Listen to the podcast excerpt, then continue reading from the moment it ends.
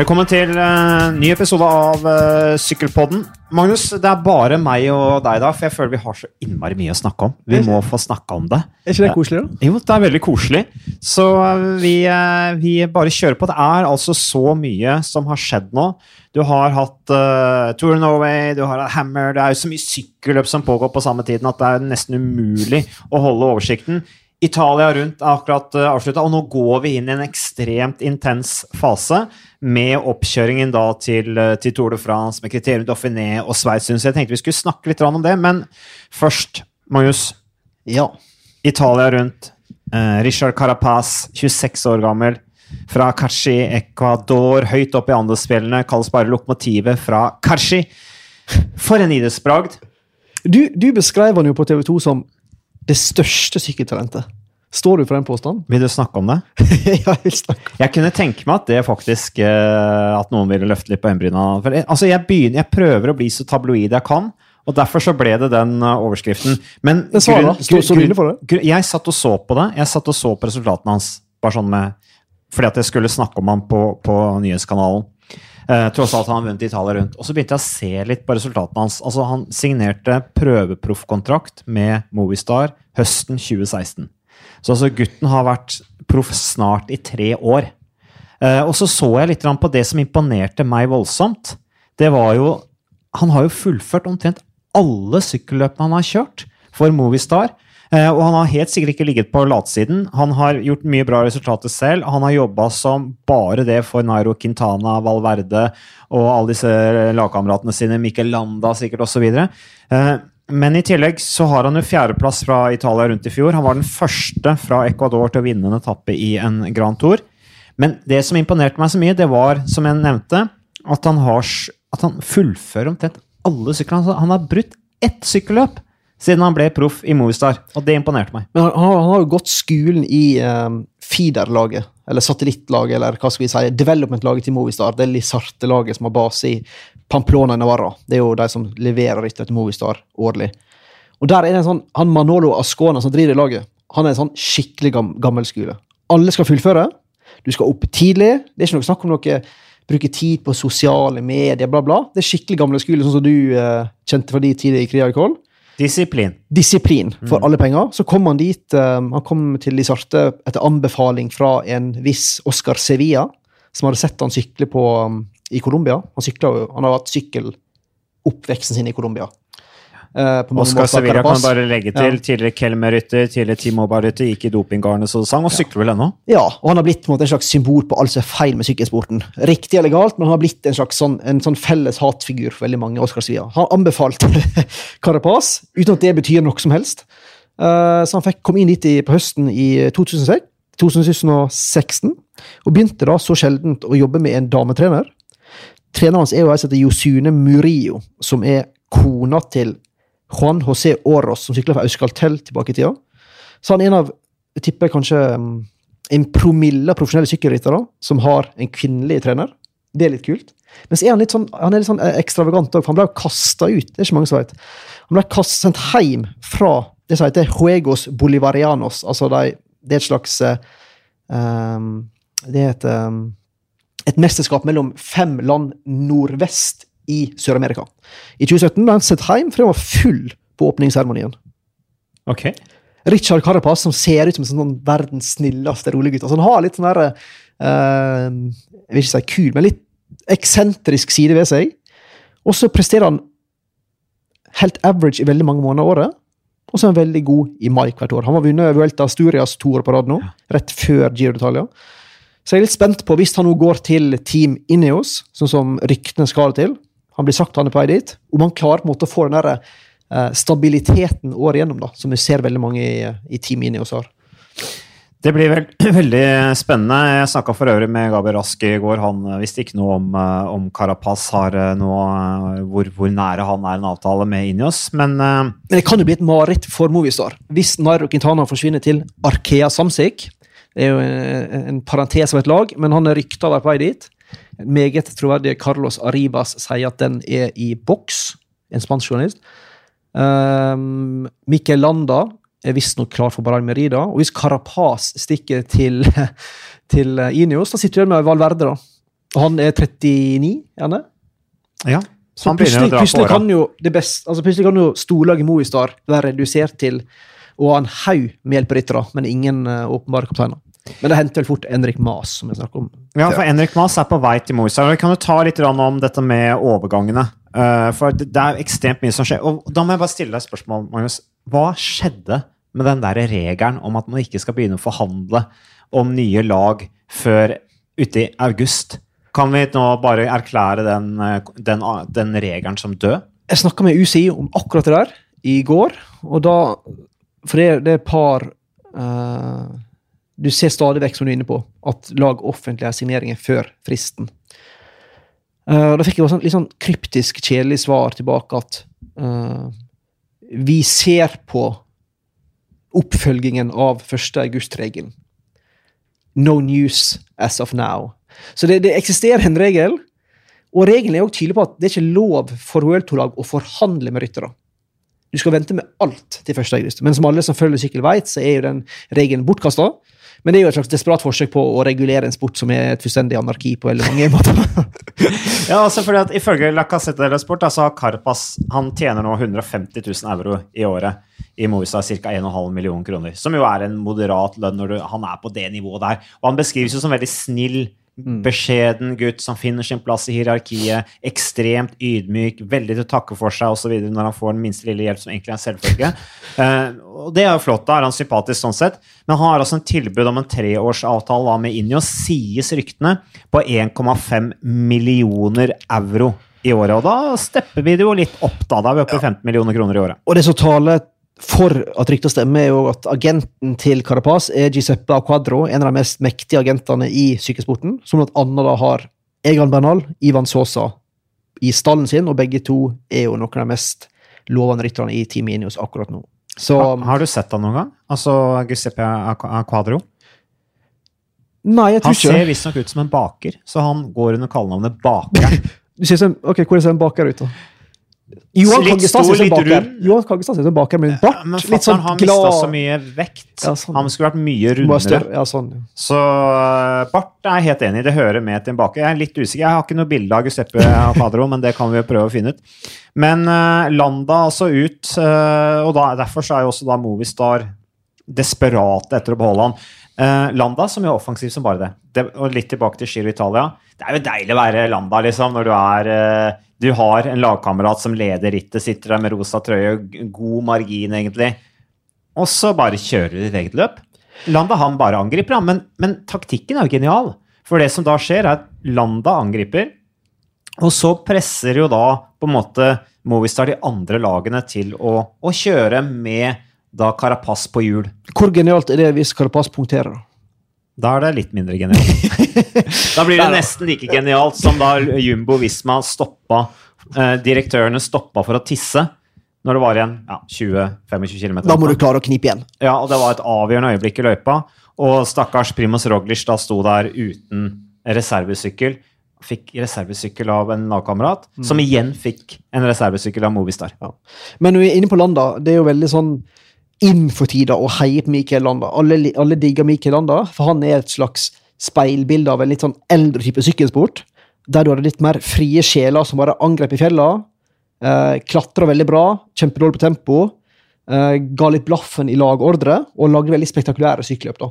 Så alle syns litt synd på at Mikael Landa hvert år blir fanga av å være hjelperytter til en bedre sammenlagtrytter. Men så tenker jeg, hvor synd er det egentlig på Mikael Landa? Han var jo Astana først. Der ble han hjelperytter for Fabio Aro.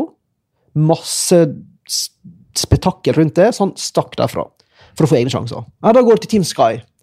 Hjelperytter Chris Froome og Garen Thomas. Ja, er masse spetakkel og skriveri. Må finne meg en plass jeg kan være kaptein. Du går til Movistar, som har Alejandro Valverde, Nairo Quintana og Carapaz. Og så alle sånn Å, men Landa må jo få litt frihet, og han fortjener å lede et lag. Ja, men da må du ikke gå til lagene som har de beste etapperytterne i feltet år etter år. Han burde, Han lært, han, bu- han, burde, han burde lært av Nairo Quintana. Gått til Arkea Samsic. Som eh, jo altså er delvis bekreftet da av eh, avisen El Pais, den spanske avisen, med Quintana da som skal visstnok ha signert en årslønns på 2,5 millioner euro i året i dette franske pro-kontinentallaget Arkea Samsi. Lykke til, sier jeg bare. Men poenget mitt med Nanda var bare at En kan ikke sitte og klage at en hjelpe hjelperytter når du gang på gang på gang går til lag som har verdens beste appryttere. Da skjønner du, da må du, skjønne, da må du lese hva som uh, ligger i kortet, holdt på seg, og heller gå til et lag med litt mindre lønn, men der du har en fri rolle. Det får han kanskje i Barraimeri, da. Vi får se. Ja, for nå er jo en, eh, da Vincenzo Nibali er jo da på vei til Trexega Fredo. Så det, altså, det er bare så mye liv i overgangsmarkedet nå. At her er det masse å snakke om. Overgangsmarkedet i sykkel er aldri stengt. Alltid åpent. Alltid, åpent åpent. handel. Det vet vi også fra to, boka til Tor Hushovd, at han allerede omtrent før han hadde begynt å sykle i Garmin, eh, så var han på vei til BMC. Men vi må snakke om det som er mest interessante hendelsen i Giron 2019. Det er at Miguel Ángel López blir hindra av en tilskuer på vei opp et fjell på en viktappe, går i bakken, taper tid, og svarer da med å gå fysisk til angrep på tilskueren. Taper masse tid og blir da til slutt nummer eh, var det seks eller sju og ble i sammendraget. Nummer sju ble han. Så sier jo mange at ah, det er synd på Miguel Ángel López som ikke løper ødelagt av tilskuer. Det er helt rett. Men Mats, det står vel i reglementet til UCI at med en gang du angriper en annen person, inkludert tilskuere, så skal du i minste fall få bot, og i verste fall bli diska for dette. Jeg er helt enig. Du kan ikke, vi må huske på at det er små barn som sitter og ser på dette her. Eh, og så skal da barna sitte her og se på en sykkelrytter som Han slo jo hardt. Han brukte knyttnever òg. Flere ganger. Eh, og han slo flere ganger. Eh, og og det, er, det er lett å forstå at. Lopez var frustrert. Men det er allikevel ikke greit, bare rent sånn prinsipielt, å slå. Ja, så enkelt er det. Vi lærer ungene våre at de ikke skal slå. Eh, og en, en profesjonell sykkelrytter som representerer en sponsor, representerer en sport, representerer et land, skal ikke stå og, og, og, slå på en tilskuer uansett han skal reise opp. Han kan gjerne gi noen beskjeder til den tilskueren, det skjønner jeg veldig godt, så skal han sykle videre. For han fikk da altså ingen straff i det hele tatt. Uh, arrangøren sa det var en menneskelig reaksjon, og derfor er det greit.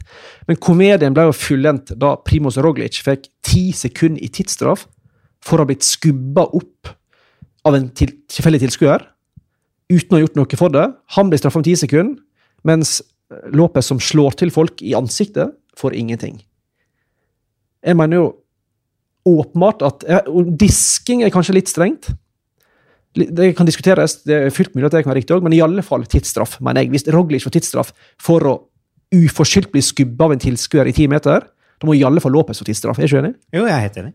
Jeg er helt enig. Så det- er veldig svakt. øh, men det tror jeg på en måte kanskje arrangørene øh, tenker at det er deres skyld at de ikke har kontroll på tilskuerne som da river ned sykkelrytteren. Men det, det vil de jo aldri ha. Nei. Du Det kan er ikke bare gjøre sånn et er ekstremt sårbar. Uh, man kan sabotere sykkelrytterne så mye man vil. Og det De har sett en, utrolig farlig presedens for det som skjer i juli. For hvert år så er Team Sky med Chris Froome i spissen gjenstand for masse mishagsytringer og eh, fått kasta urin på seg. Folk har eh, vært voldelige. Jo bare, gir bare, du gir jo egentlig bare Froome et uh, carte blanche til å svare akkurat som han vil i Tore Frans. Og med en gang vi sier at det er greit at utøvere angriper tilskuere, da har vi, vi mista så bakkekontakten at det er helt ute å kjøre. Altså, jeg skjønner virkelig ikke hva giroen eh, Ja, hva er det neste, da? At tilskueren slår tilbake? ja, Det er jo Ikke sant? Ja, sant. så da kan du ende opp med de slåsskampene. At uh, det står en gjeng med hooligans oppi der og bare venter på å få et slag. Mm. Og så slår de tilbake, og så er, øh, er katastrofen fullendt. Det er så typisk sykkel at jeg får helt åndenød. Nei, så eh, der, er- der er vi helt enige, så vi gir en kaktus til dommerne av, av Italia rundt for at de ikke ga Lopez en tidsstraff og en bot. Reglementet er klokkeklart. Major fail av Giro-arrangøren. Og det er jo litt sånn fascinerende òg, hvor inkonsekvent regelverket i sykkel er. Så det vil jo fortsatt være en, eh, en evig diskusjon.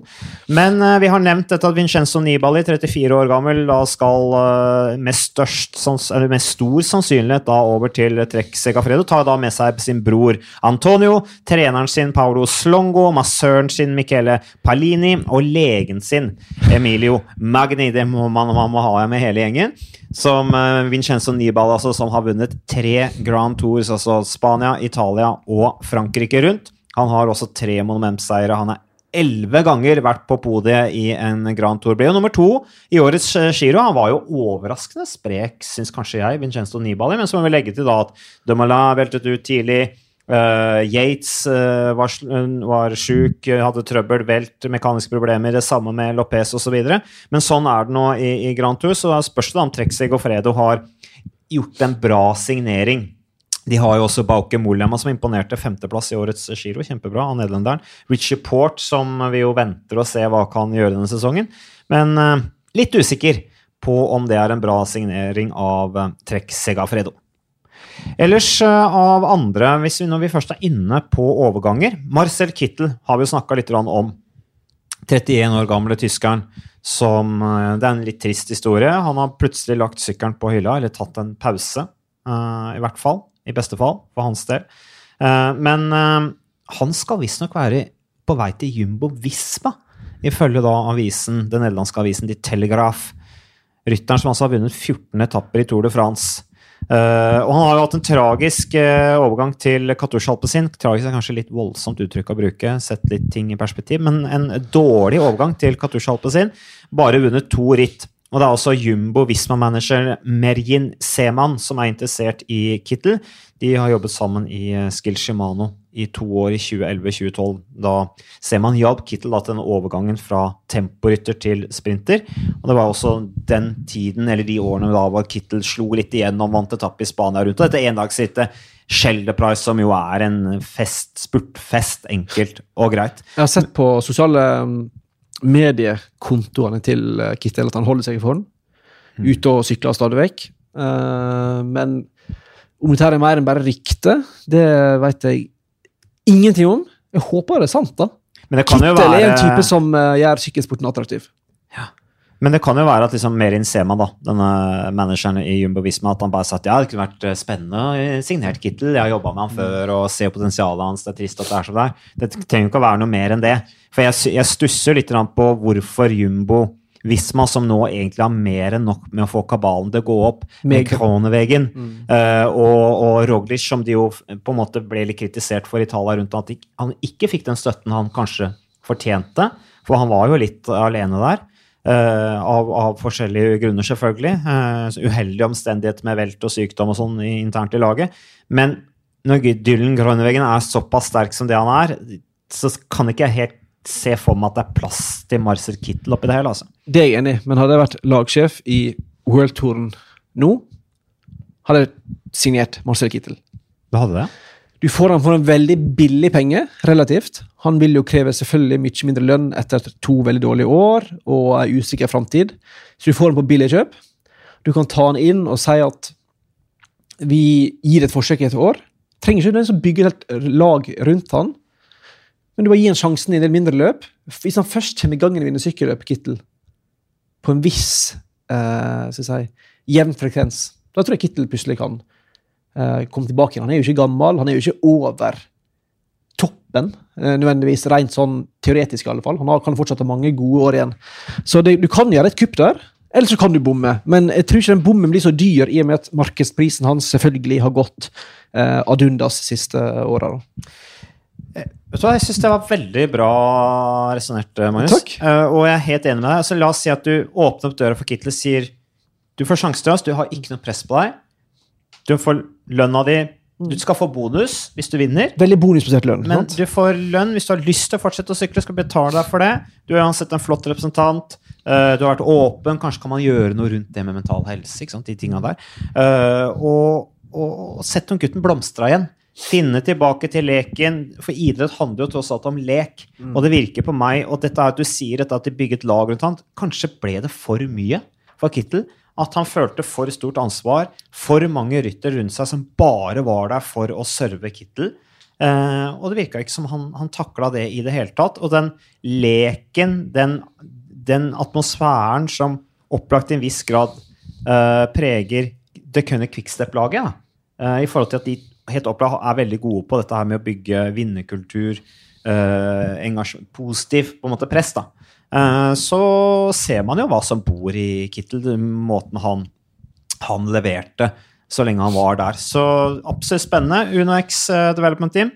Dere blir pro kontinental neste år. Dere trenger en sprinter. Signer Marcel Kittel. Dere får han for en billig penge. Eh, ellers, eh, når vi er inne på The Cunning Quickstep Manager i det belgiske storlaget, Patrick Lefebvre, meget mektig manager. Eh, han har grunn til å feire. Og litt overraskende, faktisk. Julian Alaphilippe forlenger med The Cunning Quickstep i to år. Og det tror jeg har gjort et bra innhogg på budsjettet til det belgiske laget. Ja, og det viser jo at den der sykkelryktebørsen ikke alltid er til å stole på, for å si det mildt. Han var jo, ifølge enkelte, allerede klar for uh, total direkt energi neste år. Eh, det franske laget som skal eh, oppgradere satsinga og få masse mer penger å rutte med neste år. Det ville jo vært veldig logisk, da. at Det, de det vil det, signerte men uh, en skal ta den der um, sykkellyktebørsen på samme måte som i fotball, med en del klype salt. Men det er litt gøy, da. Gøy, Sånn som for eksempel at Ilnus Zakarin, 29 år gammel, skal til CCC. Ja, det, det engasjerer meg veldig lite. Jeg syns det er det hotteste overgangen som er for øyeblikket. Vant jo Lago Zero fjelltoppavslutning i giroen, eh, godeste Zakarin. Eh, og CCC for øvrig, de skal også ha tilbudt Mikael Kwiatkowski en kontrakt som uh, visstnok ikke var stor nok for polakkene. Sier jo bare noe om hvor mye han tjener i eh, Team Ineos, som sikkert ikke vil ha noen problemer med å betale gutta litt ekstra mye. eh, nå som de har fått denne nye sponsoren da, Ineos med sir Jim Ratcliffe, som er Storbritannias rikeste mann, som, som onkel. Ellers så litt mer rykter. Ryktes at Katusha sin fremtid som lag er eh, usikker. Kanskje ikke så rart. Så dårlig som de gjør det. Ja, det har jo blitt, eh, med all respekt, en, en parentes, det laget, i World Touren siste åra. Alle de signerer, eh, i hermetegn riktignok, får en sånn nedadgående kurve som er veldig sånn kjip. Det er på en måte ikke et sammenlagt lag, det er ikke et spurtlag, det er ikke et klassikerlag. De har ikke klart å lokke disse ryttere som er fargerike, eller som står ut i feltet. Og så var det liksom, det var et lag som var veldig russisk med makker, Altså det var et lag som skulle fremme russisk sykkelsport, og så ble det gradvis sveitsisk. Og nå er det litt sånn Det er litt ingenting. Ja, det, er litt, det er litt sånn Uten sjel. litt pregløst lag. Ja, Det hadde jo mer sjel før, syns jeg. Ja, Når det var liksom russisk og oligark og Ja, ja, og Kristoff leverte seierne, og det var jo bøss rundt Katusha. Det er lenge siden det har vært nå. Ellers, eh, Bennett eh, er jo en eh, spennende rytter. Da snakker om Sam Bennett, ikke George Bennett. De er heller ikke brødre, for de som tror det. Sam Bennett er jo irsk og vurderer da et tilbud fra The kunne Quickstep. Rytteren som nå sykler i bordet Hanskrue, har jo selvfølgelig blitt tilbudt en forlengelse der, men har altså tilbud fra Quickstep, Katusha og Dimension Data. Godeste Sam Bennett, da. Det er kanskje ikke så rart at han har flere tilbud. Sunweb for øvrig, sitt eh, holdingselskap har kjøpt flyselskapet Cordon. Og Cordon de er jo da sponsor av Cordon Circus, som er pro kontinentallaget med godeste Mathieu van der Poel. Og da er det jo noen som spekulerer i da om, om holdingselskapet til Sunweb, om de da vil presse på for å slå sammen Corridon og Sunweb. Jeg, tviler på at det er noen logisk sammenheng der. Men da om Demoulin og van de Poel blir lagkamerater. Van de Poel, som for øvrig akkurat vant uh, terrengsykkelverdenscupen i Novo Mesto, dro ifra Nino Schürter. Og et annet rykte, Magnus, nå er vi veldig på rykter her, men Schürter uh, sies å skulle være på vei over til landevei. Det er spennende. Vi har jo sett han på landeveien sporadisk tidligere. Han har sykla Sveits rundt, blant annet. eller man sykler Romandie Tour de Romandie et år òg. Litt, uh, litt usikker. Men han var god da. Tok jo overgangen uh, ikke på samme måten som van der Poel, selvfølgelig, men det er det ingen ser. Uh, men Schürter har jo vunnet alt som kan vinnes på terrenget. Jeg ønsker han velkommen til landeveien. Ja, ja. Jeg tror han blir en god klatrer. Eh, Moreno Moser, 28 år gammel, legger opp. Eh, nevøen til Francesco Moser, som jo er en av sykkellegendene. Tok jo timesrekorden tilbake på 80-tallet, vunnet Italia rundt osv. Og, og Moreno, da, nevøen, vant eh, Polen rundt i 2012. Vunnet etappe i Østerrike rundt, vunnet Trofeo de Lagoeglia, som ikke er noe så veldig stort ritt, men et av åpningsrittene for sesongen i Italia. Var proff da fra 2011 til 2018 i World Tour-lag. Blant annet startet jo karrieren sin i Liquid Gass og var der fram til 2016. To år i Astana etter det. Og avslutter da karrieren sin i Nippo Vini Fantini. Så da sier vi takk og farvel til Moreno Mosi. Ja, skulle du si noe, Magnus? Hadde du en litt giftig kommentar? Nei, jeg, hadde, jeg bare gleder meg veldig til Dauphiné, Det var det du skulle si? som begynner i helga. Vi kom til det punktet på programmet. Ja, det var jeg akkurat kommet dit nå, så du er eh, veldig god til å lese tankene mine. Kriterium Dauphiné det starter altså på søndag 9. juni. Første etappe Aureac i Jussac. 142 km. Det, er, det går jo selvfølgelig på TV 2, Sporten. Vi viser jo faktisk begge Tour de France-oppkjøringsritter første gang i år. Viser Dauphiné, som blir da etterfulgt og delvis overlappa av Tour de Suisse. Begge på TV2. Vi skal faktisk kommentere de to første etappene Ja, sammen. skal. Magnus. Skal du være hovedkommentator eller ekspert. Du kan velge. Du er eksperten. Ja vel? Er du sikker på det? Helt sikker. Ok, Vi kan kaste sånn mynt og Hva heter det? Mynt og Kron. Kron? Mynt og kron på det. Men uh, det er helt riktig. Vi skal sende altså begge oppkjøringsrittene, da de viktigste oppkjøringsrittene, til uh, Tour de France. Og uh, ifølge Gaberas så er Italia rundt, nei, Sveits rundt ekstremt hardt i år. Vi kommer tilbake til en egen podkast om, om Sveits rundt. Men først Ja, hva skal du si? Nei, jeg vil bare si at Dauphiné òg syns jeg er uvanlig hardt i år. Eller iallfall veldig få etapper som er klink spurt. Det virker som det er ganske mange, som alltid, fjelletapper siste halvdelen. Men det virker også som nesten alle etappene i år har uh, kupert terreng, som gjør at det kan bli noen spennende etapper helt fra dag én, egentlig. Jeg, eh, som sagt, eh, jeg og min far Ride Kagestad skal kommentere første etappe. og Grunnen til at det ikke er Christian Påske, jeg må da være vikar for Christian Påske. Christian Påske fyller også 50. Eh, eller han skal feire 50-årsdagen sin. Eh, og det gjør han da på lørdag. Kriterium Dauphiné starter på søndag. Og når Christian først er på fest, da er han på fest. Og da er, det, da er han ubrukelig på søndag. Og derfor så har jeg sagt at da kan jeg steppe inn for å ta den første etappen hvor, som de får rett i fleisen, disse stakkars rytterne. Det går oppover fra omtrent første tråkk på denne første etappen da, av årets kriterium, som eh, Magnus sier er, eh, er en tøff affære. Første etappen er allerede fem stigninger, som jeg nevnte. Først, eh, rett ut av start er det bakke. Og tøffeste stigning på den etappen passeres etter 34 km. Denne etappen er ikke lang heller. Den er bare 142 km, så det blir fyrverkeri fra første tråkk av Kriterium Dauphiné. For de som måtte lure, så er det tre nordmenn som etter planen skal sykle. Det er Edvard Boasson Hagen, det er Carl Fredrik Hagen og det er Odd Christian Eiking. Iallfall foreløpig skal de tre sykle.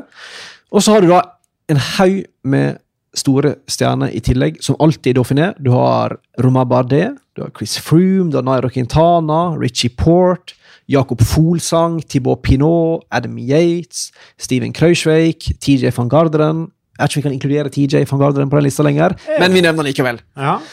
Så det, er, Bargil, ja, så det er jo Richie Port, ja, så det er jo en fantastisk uh, liste med store navn. Emanuel Buchmann. Ja. K- Team Ineos splitter jo da Froome til Dauphiné og sender Geraint Thomas til Swiss. Det er mange som tar den uh, varianten og deler kapteinene sine på to forskjellige ritt. Men uh, Dauphiné er jo liksom Det er uten tvil generalprøven har alltid blitt kalt for uh, Tour de France. Og har alltid vært mitt faktisk sånn favorittetapperitt siden jeg var liten. Er det det? Ja, det er jo, Og, overalt? Jeg trodde det var Catalonia rundt, ja. eller Baskeland rundt. ja, jeg har alltid hatt en sånn eh, Jeg vet ikke hvorfor, en litt sånn svak greie for uh, Dauphiné. Hvor sært er ikke det? Nei, men det, det, det gøy med det fordi at du får en forsmak på Tour de France, åpenbart, men du får også litt sånn Du får litt friere, litt mindre kontrollert sykkelløp enn du får i Tour de France.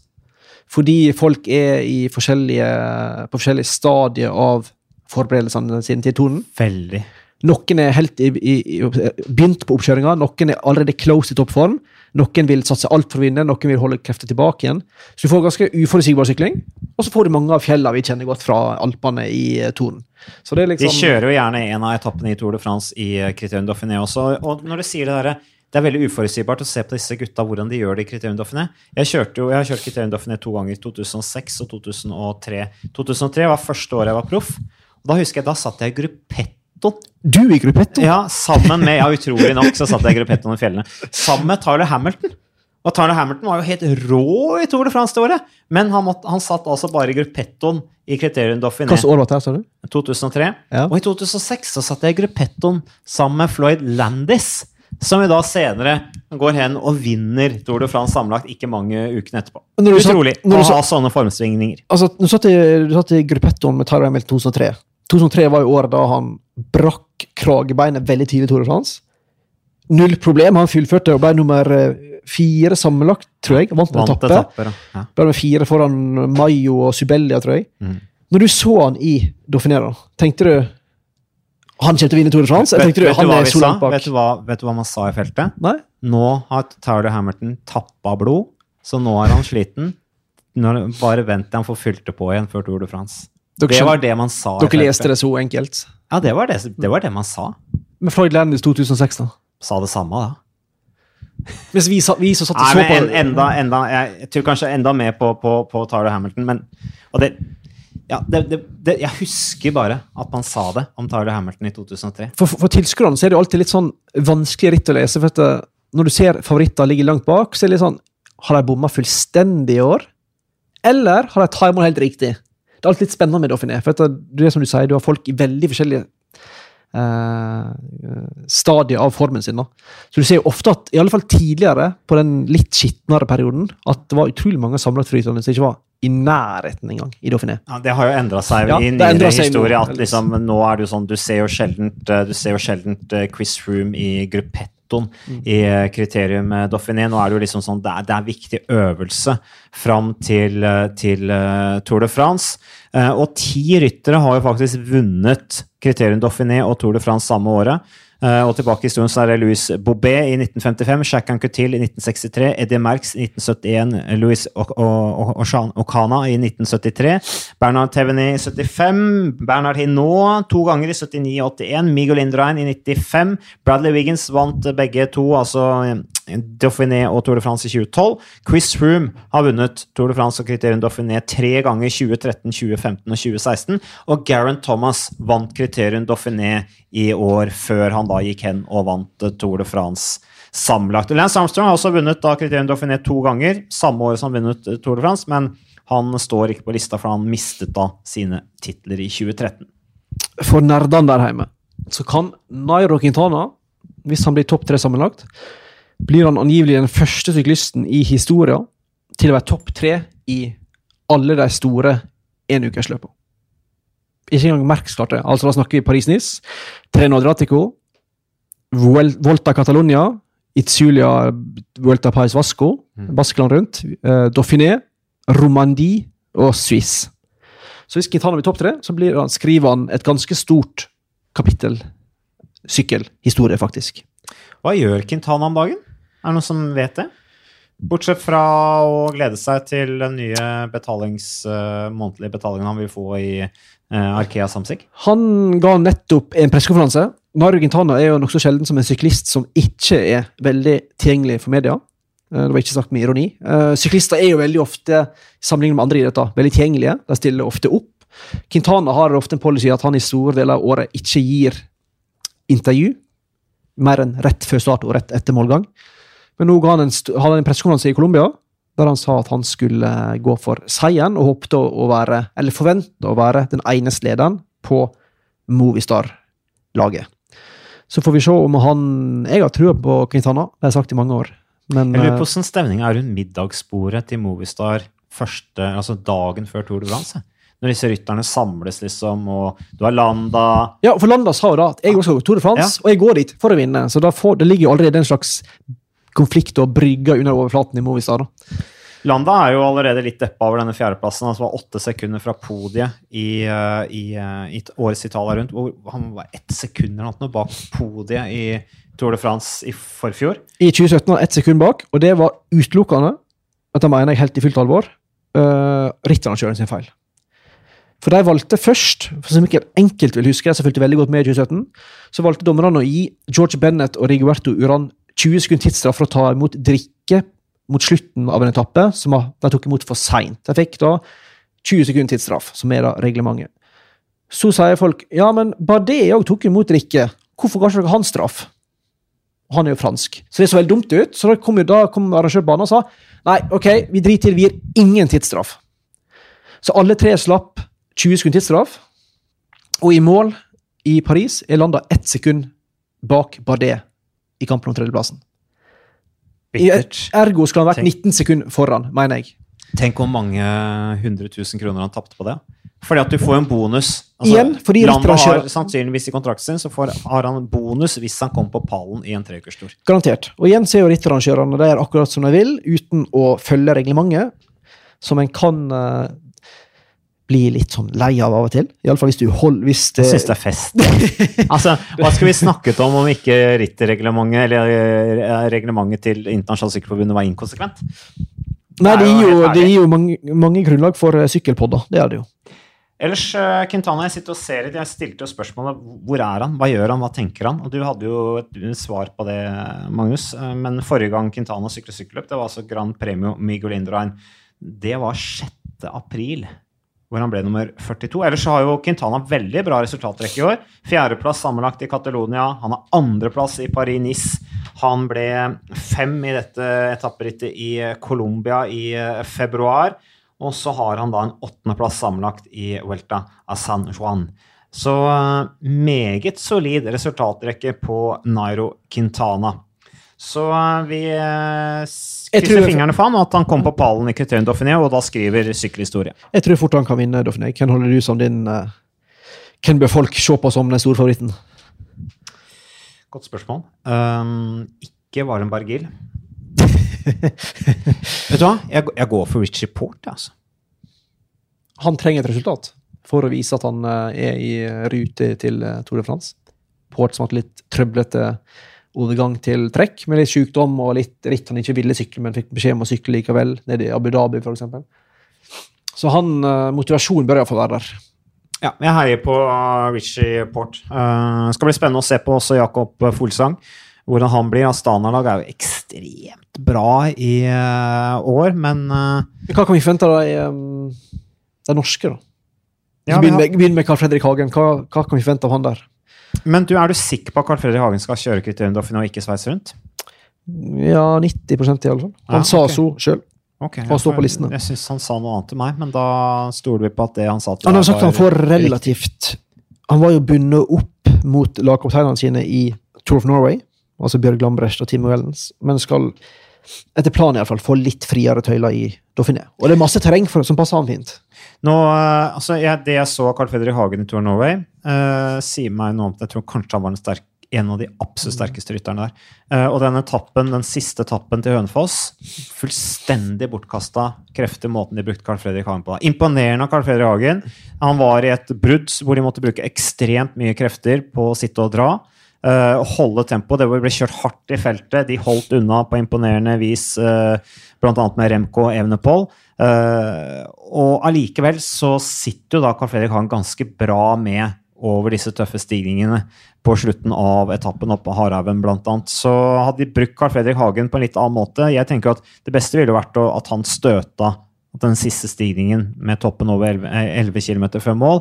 Men han virker jo i hvert fall å være i veldig bra rute med den 15.-plassen han sammenlagt i Romandie rundt. Så tenker jeg at Carl Fredrik Hagen, mulig topp, ny topp 15-plassering sammenlagt i Kriterium Doffin. Det skal bli veldig spennende å se. Det tror jeg blir gøy, men han er jo han er jo så pliktoppfyllende. Sant? Så når han får beskjed om å jobbe for laget, det sa han allerede på første tappen i Tour at jeg er for å jobbe for laget. Da går han i disse her litt sånn selvmordsbrudda, som er litt sånn frustrerende for oss som er nordmenn, selvfølgelig. Men han viste i alle fall veldig god form, så det kan bli gøy fra hans side. Edvald Boes Nagen også viste jo god eh, og gryende form i Tour of Norway. Han får jo mange etapper som bør passe hans profil bra. Med litt sånn småokkuperte um, etapper som gjerne uh, er for tøffe for de aller raskeste spurterne, men perfekt for folk som han, som er gode i litt mer reduserte felt. Det er altså to norske da, som har etappeseiere i uh, Criterion Dauphiné, hvis ikke jeg har uh, bomma fullstendig her. Det er Edvard Boasen Hagen som vant etappe, har tre, eh, fire etappeseiere i 2010, 2012, 2013 og, to, og 2016. Han vant også den grønne poengtrøya i uh, 2016. Og så har Tor Hushovd vant etappe i 2003 og 2006, de to årene han kjørte med meg. Eh, altså, Litt snikskryt ja, altså Atle Kolsvold har også en tredjeplass på første etappe i 1990, så jeg. Var god rytter, Atle. Atle var god. Det, da var det tøff første etappe. Veldig god til å klatre. Atle var en av de beste klatrerne i eh, feltet, og da er det jo litt ironisk at han senere ble personlig treneren til Tor Hushovd, som jo var sprinter. Men, eller spurter, som jo er et bedre uttrykk å bruke på disse landeveisdytterne. For en sprinter er etter min mening en rytter som sykler på bane. En spurter er en som har en god avslutningsspurt når feltet kommer samlet til mål. Men det er altså åtte, åtte etapper. Én tempoetappe på 26,1 km, akkurat lang nok til at den blir ganske heftig. Tre kuperte, to litt lettere og to ganske tøffe fjelletapper. Og som Magnus sa, altså sammen med Sveits rundt da den viktigste oppkjøringen til Tour de France. Og Av de siste syv utgavene så har altså fem vært vunnet av den samme rytteren som samme år vant Tour de France. Det er stor sannsynlighet for at vinneren av Criterium Dauphiné også er vinneren av Tour de France. Så følg med! Er det noe mer du vil si da, Magnus? Eller skal vi gi oss, da? Da kan vi kanskje takke for maten. Kan kanskje det. Hvis ikke det var et eller annet jeg er Brenner inne med. brenner inne med her, så Det var én ting jeg hadde tenkt å ta, snakke med, jeg bare må snakke med deg om. For det første, Vita Heine vant tredje etappe av World Tour-rittet Turingen Ladies Tour. Eh, Hun brøt da etter en velt på etappe fire, men hun fullførte denne etappen da på en eh, flott 19.-plass med da et brudd i hånden. Eh, Da lå hun på en flott, kjempebra sjuendeplass sammenlagt i da rittet som til slutt ble vunnet av Catherine Hams fra VNT Rotor foran Pernille Mathisen, dansken i Sunweb, og Lord Oyarbide fra Movistar-laget. Så det var litt synd der for eh, Vita Heine, men hun viser veldig bra stabilitet på et eh, vesentlig høyere nivå enn noen gang. Og det seieren betyr, er jo at da Norge plutselig har hoppa tre-fire plasser opp på eh, rankingen til eh, Det internasjonale sykkelforbundet, og plutselig ligger inne med fem plasser til sykkel-VM i Yorkshire på damesida. Vi begynner å få et spennende lag altså, til Yorkshire, faktisk, med den vinden som uh, nå norsk damesykling uh, er i. Uh, og så er det ukas sykkelord, Nei, Magnus. Det er fist bump. Altså norsk oversettelse knoke mot knoke. Litt sånn de tøffe gutta nå, de tar en knoke mot knoke, liksom. Men så er det dette her Nibali. Han uttalte da under Italia-runden, for han ville ikke fistbumpe med Roglic. Så sa han nei, jeg ville ikke fistbumpe med Primoz Roglic fordi at eh, det er en sånn internasjonal greie som jeg tar litt avstand fra. Oss italienere vi driver ikke med sånt. Vi er dannede folk, vi har gode manerer, og vi tar hverandre i hånda slik foreldrene og besteforeldrene våre lærte oss. Men så, Neste dag hva skjer da? da fistbumper han med halve Movistar-laget. Og han ble, av, altså han ble avbildet flere ganger, fistbumpa med Movistar-gutta. Eh, blant annet Landa og Carapaz. Men, men Nibali har på en måte blitt uh, for meg uh, Samme hvor god han er å sykle, og han er en helt uh, enestående syklist, vil stå igjen i sykkelhistoria som en av de beste.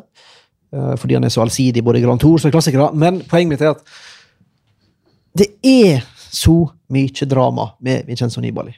Han skaper så altså Han lager, han lager konflikt utover at Primoz Roglic gir han knoken istedenfor å gjøre han handa. Og det er så typisk. Og han, en, I hvert fall første to ukene giroen, hver dag nesten var det noen sånne litt sånn halvsure kommentarer fra Nibali til pressa etter målgang. Liksom skape polemika, som de er så glad i i giroen. Altså krangler internt i, i feltet. da. Så han um, Han, han eh, Det virker som han liker det, for han skapte ikke òg i Tour de France med Chris Froome. Angrep annet da Chris Froome hadde teknisk trøbbel for et par år siden, og lot som han ikke veit det. Altså, han, han er litt sånn uh, slu, gammel, Slu typisk uh, italiensk syklistrev, Ja. hvis du skjønner hvor jeg vil hen.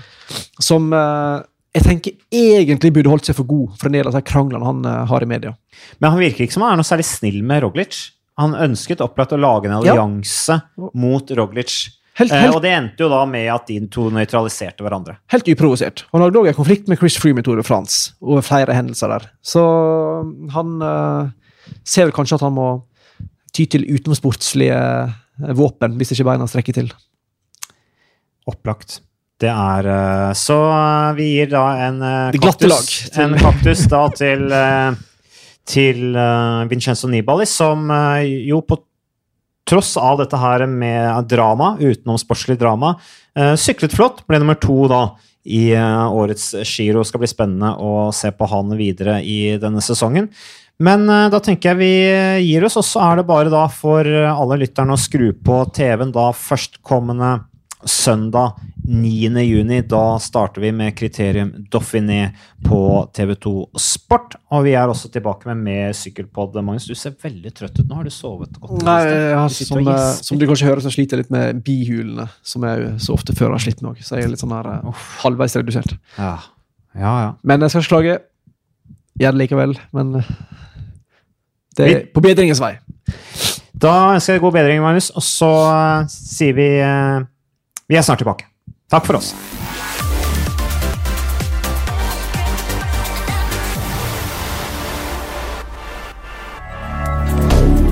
Moderne media.